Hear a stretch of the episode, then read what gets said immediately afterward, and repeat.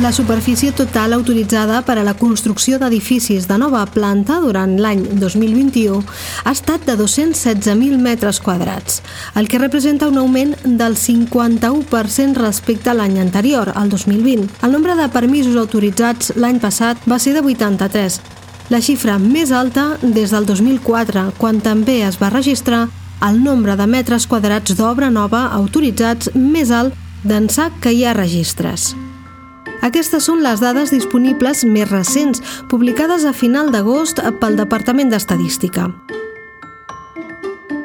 Això, per si sol, ja indica que la necessitat de treballadors del sector de la construcció ha de ser elevada. De fet, els assalariats d'aquest sector han augmentat un 16% des del 2019, però no n'hi ha hagut prou. Nos han traído con el sueldo de, de Perú, ¿no? Que es que, no, que acá es otra, hemos venido acá y acá es otra, otro precio. Y eso no nos, no nos conviene, ¿no? En cuestiones de trabajo hay mucho trabajo acá para nuestro, en nuestra área, ¿no? Lo que es la construcción, ¿no? ¿Por qué? Porque prácticamente nuestro país en estas épocas ahorita está un poco, como te puedo decir, ¿no? en una crisis por la política, todo eso, ¿no? Y optamos por, por salir hacia adelante para poder sacar a nuestra familia. És un fenomen evident per a tothom que hi ha treballadors de països sud-americans, sobretot del Perú, que estan treballant a les múltiples obres en marxa al país. I en quin règim estan contractats? El sistema emprat és la subcontractació de personal d'empreses de fora per via de la prestació de serveis entre empreses. És legal? Sí, ho és. Aquesta possibilitat de contractació es va pensar per a aquests casos? Doncs segurament no, però ara s'està fent servir. I quants treballadors arriben per aquesta via al país? No ho podem dir amb exactitud, només ens podem referir a les estadístiques del mes de juny i que afirmaven que en aquell moment eren vigents 617 autoritzacions de treball temporal per a empreses estrangeres. I remarco temporal perquè en aquest règim l'estada al país està limitada. Tot i que fins aquí tot sigui correcte, agradi més o menys, una altra cosa és tenir en compte les condicions laborals i de residència que tenen aquestes persones quan arriben al país. En algun cas, fins i tot, s'ha denunciat que els obrers viuen a la mateixa obra. De fet, el Consell General acaba d'aprovar en via disposició addicional a la Llei d'Economia Digital que el govern estudi si cal o no millorar la regulació dels treballadors que de manera temporal venen al país contractats per empreses de fora.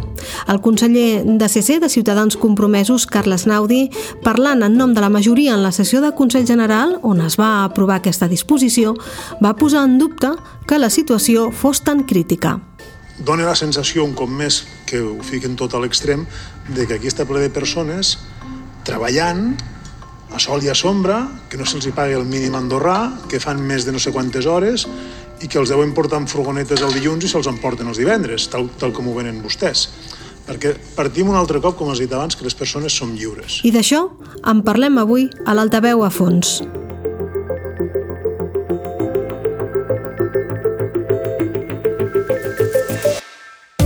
Els companys de l'Altaveu Mèdia, Alba Baró i Eduard Ros, han publicat aquest dilluns un reportatge recollint el testimoni d'alguns treballadors que han arribat al país i han descobert una realitat diferent de la que esperaven.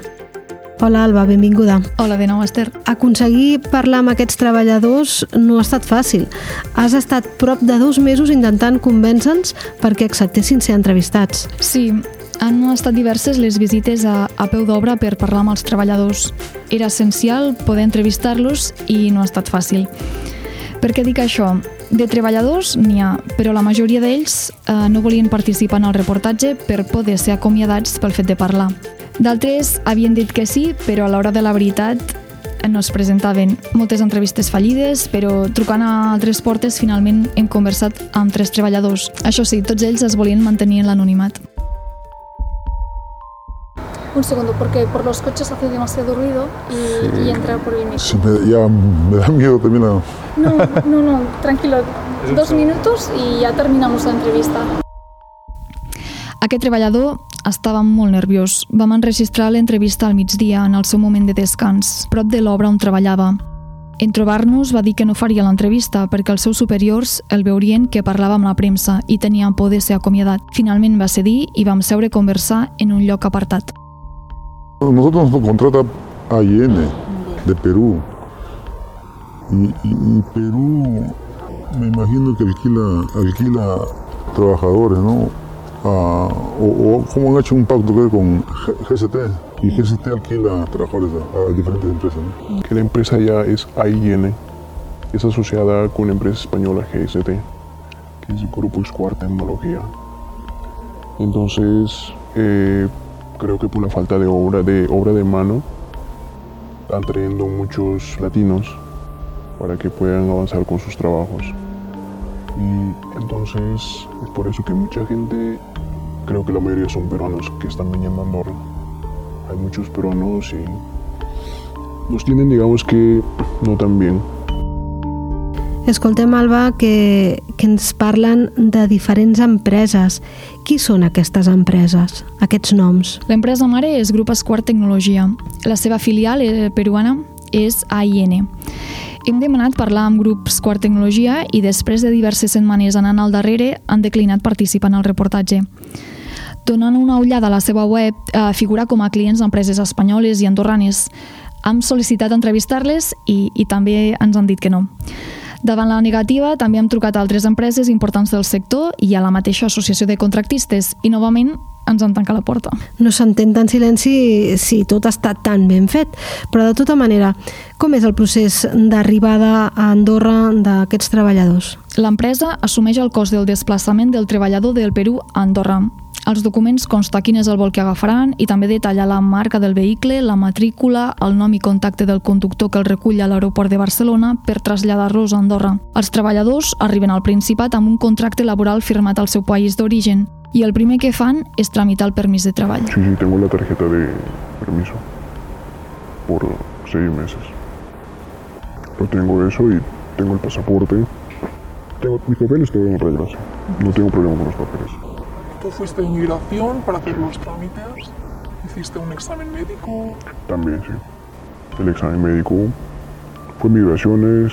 No, en eh, cuando llegamos nosotros, claro que un personal de empresa nos acompañaba a todos lados. Ella nos dirigía, nos decía vamos aquí, vamos allá, entonces hicieron toda la documentación. Eh, esperamos una semana para que saliera la tarjeta verde. Y después de una semana fuimos a hacer el examen médico El seu contracte de treball és de 48 hores setmanals, és a dir, 8 hores més que la regulació laboral andorrana. Pel que fa al sou, cobren en moneda peruana uns 3.200 soles, que venen a ser uns 800 euros mensuals, uns diners que els ingressen al seu compte del Perú. A part, l'empresa espanyola els paga en efectiu uns 800 euros més, dels quals 400 corresponen a conceptes d'alimentació i transport i 400 euros més al que anomenen una bonificació de producció. Pel que en total podríem dir que tenen uns ingressos de 1.600 euros. Però aquests 800 euros finals els reben en mà, Sí, és a dir, no passen per cap entitat bancària. no, no, no són per les seves despeses corrents i com, com bé dius no, no queda registrat a cap lloc no, en aquest sentit. A més, cal tenir en compte que, que el salari mitjà del sector de la construcció a Andorra és més elevat. Sí, sí, sí. Uh, segons dades de la CAS, el salari mitjà en el sector de la construcció és d'entre 2.200 i 2.400 euros. En cuanto al salario, a nosotros nos pagan en moneda peruana y el desplazamiento se nos dan en moneda española, que es el euro. En moneda peruana nosotros nos pagan, es el régimen de construcción civil. Yo vine con semanal, que son 827 soles. Entonces, al mes, pues digamos que son 3.300 por ahí. Soles. Soles, sí. Al mes. Entonces, acá nos dan 200 euros a los 15 días y a fin de mes nos dan 600 euros, lo cuales son 200, de 400 euros son de desplazamiento y 400 euros son de un bono por trabajo. Digamos que si yo falto un día, ese bono me lo descuentan un porcentaje, no todo, un porcentaje. Pero si yo no falta entonces a fin de mes me entregan completo el bono. El, el sueldo que tenemos nosotros es el sueldo de Lima, ¿no? lo que es la- el régimen de construcción de Lima. Y aparte de eso que tenemos también en el contrato que firmamos nos dijeron que nos dan un bono que, y aparte lo que es el, nos dan alojamiento y aparte lo que es la alimentación que nos dan, ¿no? Claro, mi sueldo allá en Perú normalmente es semanal, yo saco un promedio de 900 a 920 soles. Ese es el promedio de semana que sacamos, ¿no? Porque ese, ese está estipulado en el, en el régimen de la construcción civil de nuestro país. Y bueno, acá pues no, nos dan un bono de 400 euros. Eh, ese es el bono que nos dan y aparte que nos dan 400 soles de, mejor dicho, 400 euros de lo que es para alimentación. Y aparte de eso también nos, nos dan, nos proporcionan unas habitaciones, ¿no? Que compartimos prácticamente, en este caso nosotros estamos compartiendo un piso, por ejemplo, entre ocho personas. ¿no? La constructora la, o la empresa que les contrata a que le alquila la gente a ellos, les paga muy bien. Y ellos ya te pagan moneda peruana y es muy bajo. Porque, porque a mí, me, a mí yo saqué un día que me están pagando la hora 4,99 euros. Entonces es demasiado bajo. Cada uno, creo que el, el aprendiz gana como 6, 7 euros la hora. El oficial está como 9 a 10 euros. El operario está como 12 a 13 euros. Entonces eso es lo malo. Están aprovechando demasiado. En sí, las empresas que traen para que alquilen gente. Pero las que son de aquí, no. Porque ellos les pagan muy bien por la gente. Según la categoría. Ya con el tiempo te das cuenta que ya es otra cosa, ¿no? O sea, eh, a nivel económico, ¿no? nos, nos paga muy poco, ¿no? Demasiado poco. Porque la empresa, si no me equivoco, cobra algo de veintitantos, creo, por cada persona, ¿no? Y nos paga menos, ¿no? 28, 26 he escuchado, hasta 30 creo que cobran por la hora. Que nosotros nos dan, pues, ¿cuánto? Es un promedio de 8 euros hacia nosotros. ¿no? ¿Cuánto ha sido la empresa? Hem escoltat que, que diuen que els donen allotjament, però en quines condicions viuen? Sí, l'empresa els ofereix tant l'allotjament com el transport diari per anar a treballar. Molts d'ells mm, dormin a la Seu d'Urgell. Pel que fa a les condicions, eh, segons el que ens expliquen, eh, deixen força a desitjar. Uh, hem demanat poder accedir-hi en aquests habitatges, però ens comenten que, que el capatàs viu amb ells i que per tant no és possible. ¿Dónde estás viviendo? ¿Compartiendo piso? No puedo decir. No puedes decirlo.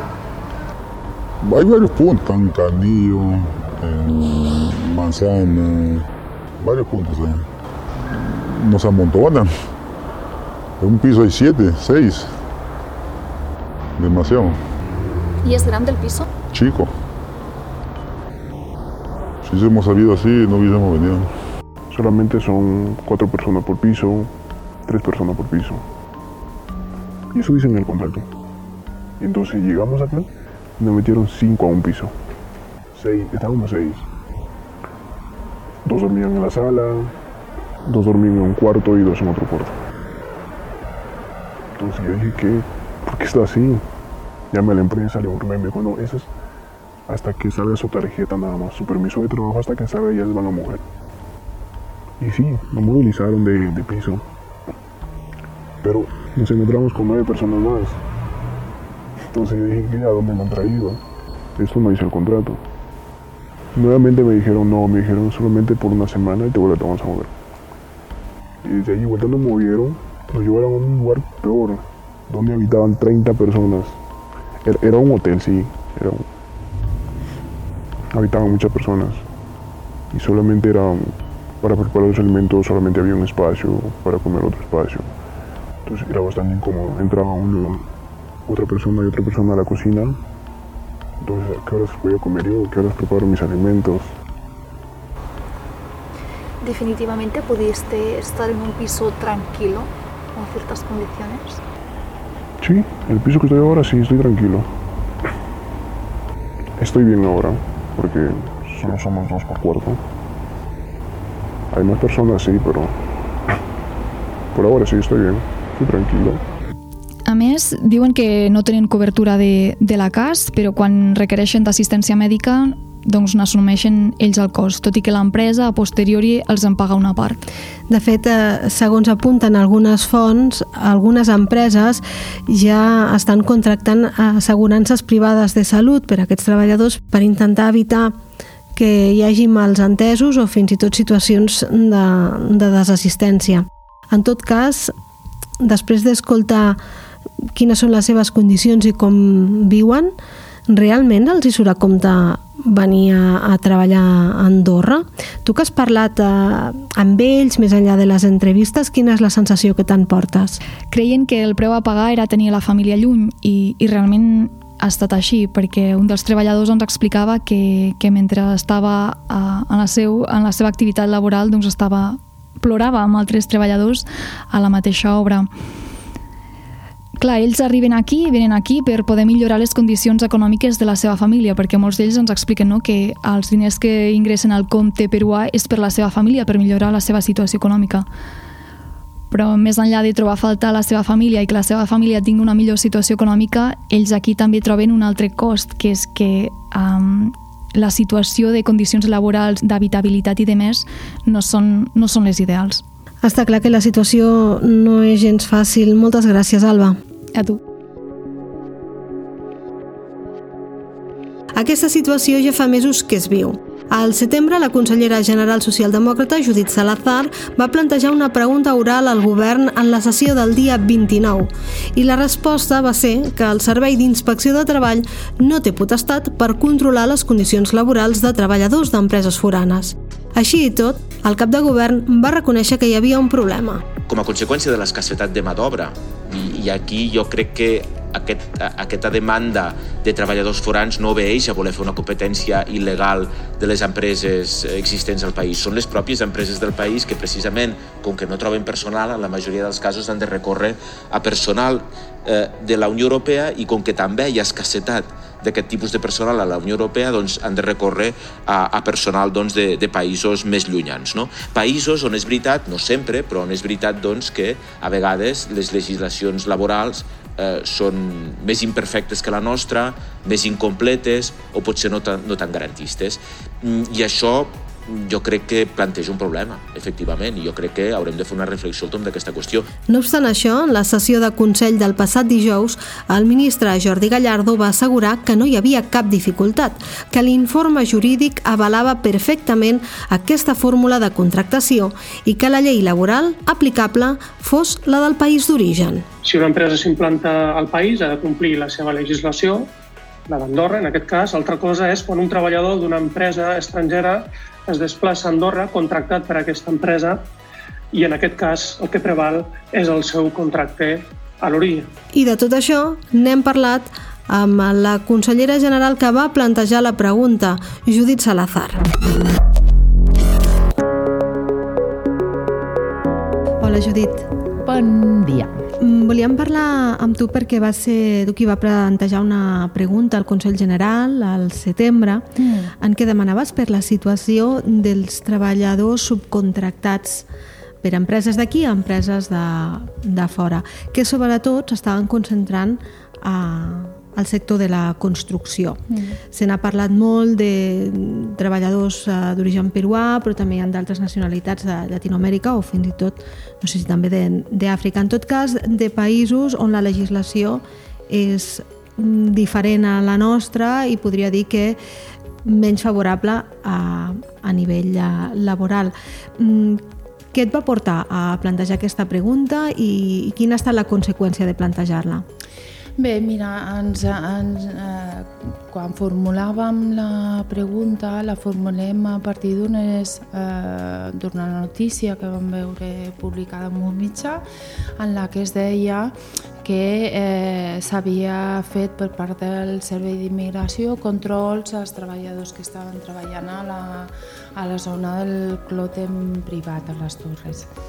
Doncs eh, a partir d'aquí eh, analitzem des del punt de vista sobretot de la seguretat i la salut en el treball i de les, de les relacions laborals i el que veiem és que el Codi de Relacions Laborals diu eh, en el seu àmbit d'aplicació que, que s'aplicarà aquesta llei a totes les relacions laborals que eh, tenen lloc al Principat d'Andorra i eh, la llei de seguretat i salut en el treball s'aplicarà a tots els sectors mm, d'activitat. Per tant, entenem que les relacions, tant les relacions laborals com eh, la seguretat i salut en el treball està cobert però eh, diem, mm, vistes les informacions, volem saber de la, de la primera font, que en aquest cas és el govern, perquè era una, una pregunta de control eh, de l'acció del govern, que amb quin règim està venint aquesta gent, perquè sabem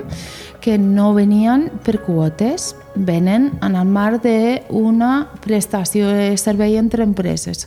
Una empresa andorrana contracta una empresa de fora que aquesta empresa de fora porta treballadors desplaçats a treballar al país. Aquesta possibilitat al principi s'havia previst no per a aquest tipus de treballadors, sinó més aviat per uh, buscar a vegades professionals especialitzats Correcte. que era molt difícil de trobar i més doncs, de vegades per contractes definits per fer una feina molt concreta. No? Correcte. Aquest és l'esperit, entenem, que, que regula la llei d'immigració quan preveu aquesta fórmula que no oblidem que és temporal, Eh, el que passa és que, eh, com diríem, feta la llei, feta la trampa, i ara el que estem observant és que eh, les empreses desplacen contingents de treballadors que quan s'acaba la seva autorització temporal el retornen al lloc d'origen i en tornen a desplaçar de nous, la qual cosa vol dir que estem assistint que la mateixa obra pot estar subcontractada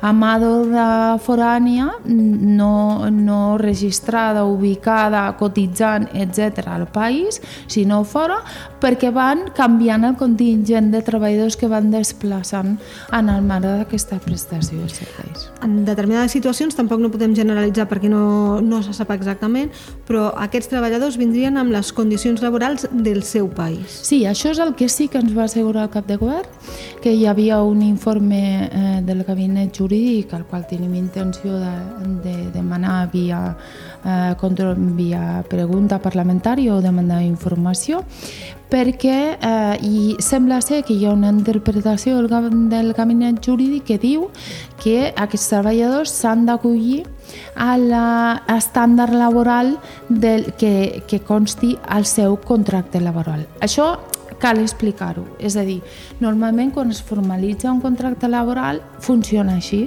Un sol formalitzar la legislació i el control judicial del país on està signant el contracte laboral. El que passa és que normalment quan tu desplaces treballadors també el país que acull aquests treballadors s'assegura que aquests treballadors venen a complir com a mínim l'estàndard laboral eh, que, està, que està implementat eh, eh, i que s'aplica al seu país justament per evitar situacions de competència deslleial amb les empreses internes. A tot això, uh, sí que el cap de govern en aquella sessió de Consell també va dir o instar a trobar solucions i de, veu presentar una esmena. De fet, el, el, el relat dels fets no és ben bé aquest.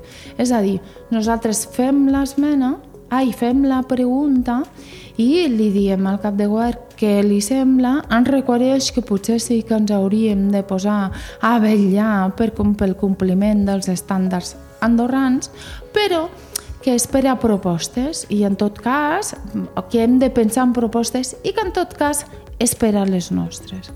Resulta que nosaltres, en el marc de la, de la discussió de la llei d'economia digital, com ja érem conscients que això s'estava produint, nosaltres, abans de la pregunta, entre, ja havíem entrat una esmena que dèiem nosaltres entenem que la llei de, de relacions laborals és clara, però sembla ser que no és clara per tothom, o com a mínim en la interpretació que nosaltres li donem, perquè a gabinet jurídic o perquè s'està produint aquesta situació que després a la pregunta el, govern, el cap de govern ens confirma que ve de la interpretació aquesta famosa del gabinet jurídic. Val? I havíem entrat una esmena per dir eh, com, el, com la llei d'economia digital modifica la llei de relacions laborals, anem assegurant-nos que l'àmbit d'aplicació queda prou clar, mal? Anem a fer una coletilla que encara deixi més clar que per nosaltres ja és clar que, que s'aplica a totes les relacions de treball que es produeixen al Principat. I diem, en tot cas, s'haurà de complir en tots els casos l'estàndard mínim que protegeix aquesta llei. En comissió no s'accepta. Eh, ens proposaven una transacció en la que ens deien s'encomana al govern que en el termini d'un any faci un estudi per veure eh, eh, per, per mirar de a fer una aplicació parcial de la normativa andorrana. I nosaltres dir, però bueno, això què vol dir? Eh, per nosaltres això i res eh, pues és el mateix. I evidentment no hem volgut la transacció perquè nosaltres el que volem és allò que ens va dir el cap de govern, facin propostes per mirar de lluitar amb una situació que efectivament està donant problemes de diferència d'estàndards. Moltíssimes gràcies, Judit. Faltaria més a vosaltres, un plaer. També hem intentat parlar-ne amb el govern. El dia 22 de novembre van fer una petició per escrit per entrevistar a qui es considerés responsable d'aquesta qüestió. Però a l'hora de tancar aquest podcast encara no tenim resposta. Per tant, seguim a l'espera.